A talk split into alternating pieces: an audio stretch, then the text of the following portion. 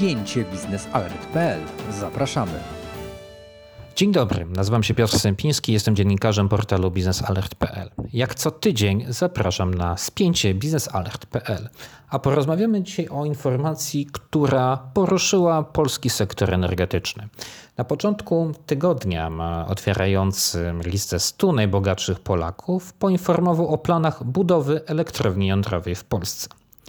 Należąca do miliardera spółka Syntos podpisała memorandum z GE Hitachi Nuclear Energy w sprawie budowy w naszym kraju małego reaktora modułowego o tajemniczej nazwie BWRX 300. Pod tą nazwą kryje się reaktor wodnowrzący o mocy 300 MW z obiegiem naturalnym i pasywnym systemem, systemem chłodzenia. Jak przekonuje Michał Sołowow, budowa SMR-ów, czyli mało skalowych bloków jądrowych, może odegrać kluczową rolę w rozwiązywaniu problemów energetycznych Polski, przyczynić się do modernizacji naszego sektora energetycznego oraz wspomóc realizację, e, realizację celu, jakim jest dekarbonizacja z drugiej strony my konsorcjum GE Hitachi przekonuje, że tego rodzaju instalacje są znacznie tańsze od wielkoskalowych bloków, jak e, przekonują e, GE Hitachi. To jest chodzi nawet o 60% mniejsze, e, mniejsze koszty. Problem polega jednak na tym, że proponowany przez GE Hitachi reaktor to tak na dobrą sprawę koncepcja, bo nikt na świecie nie eksploatuje tego rodzaju instalacji. A poza tym zwróćmy uwagę, że od awarii w Fukushimie, czyli od marca 2011 roku, nikt na świecie nie zbudował reaktora BWR, czyli na wodę wrzącą.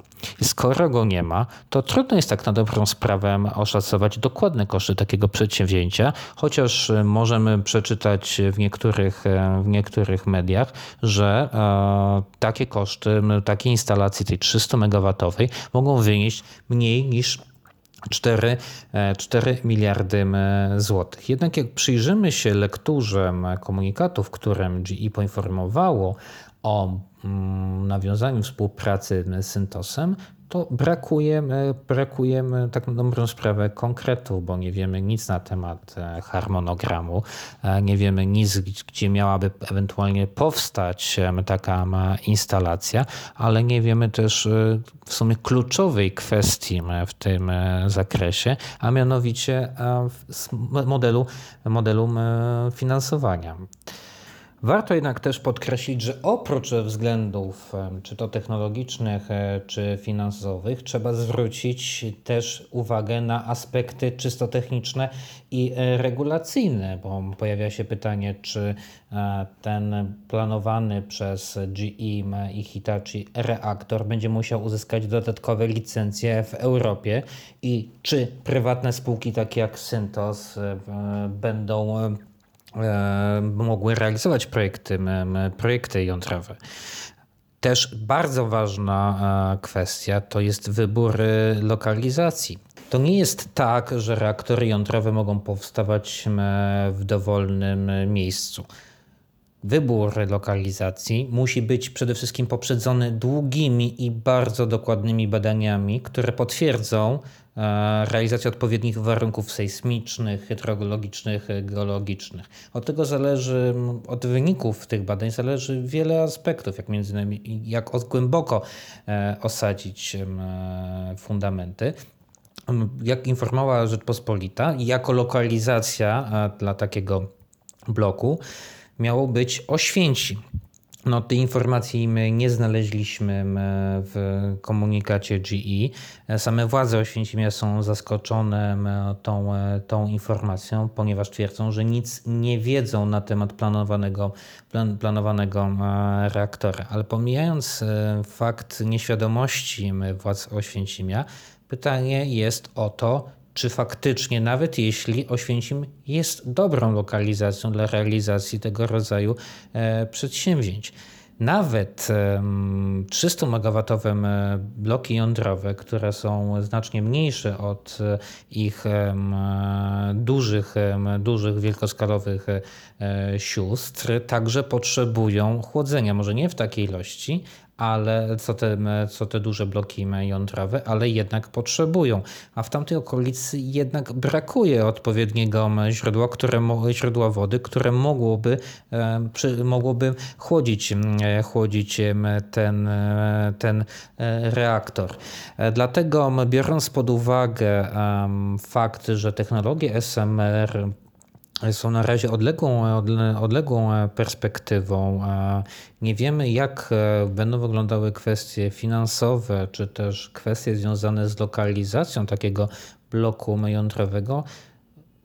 Warto studzić, studzić emocje. To też nie jest tak, że technologie SMR nie powinny być rozwijane.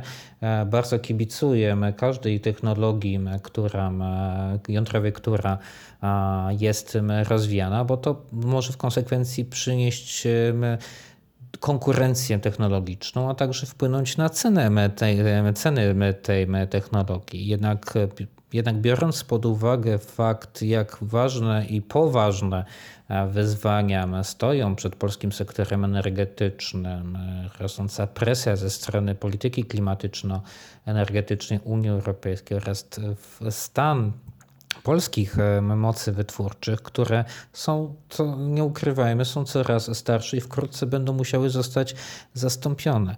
Jednym z takich rozwiązań oczywiście jest e, energetyka jądrowa, ale e, biorąc pod uwagę, że nie, polska energetyka nie ma tyle czasu na podejmowanie decyzji, e, opieranie w tym momencie planów dotyczących energetyki jądrowej na E, małych reaktorach jądrowych jest zdecydowanie, zdecydowanie przedwczesne. Aby zapewnić transformację energetyczną, najpierw trzeba pomyśleć o już sprawdzonych, sprawdzonych technologiach i w tym samym czasie myśleć o technologiach przyszłości. Nie można e, tej kolejności, e, kolejności odwrócić.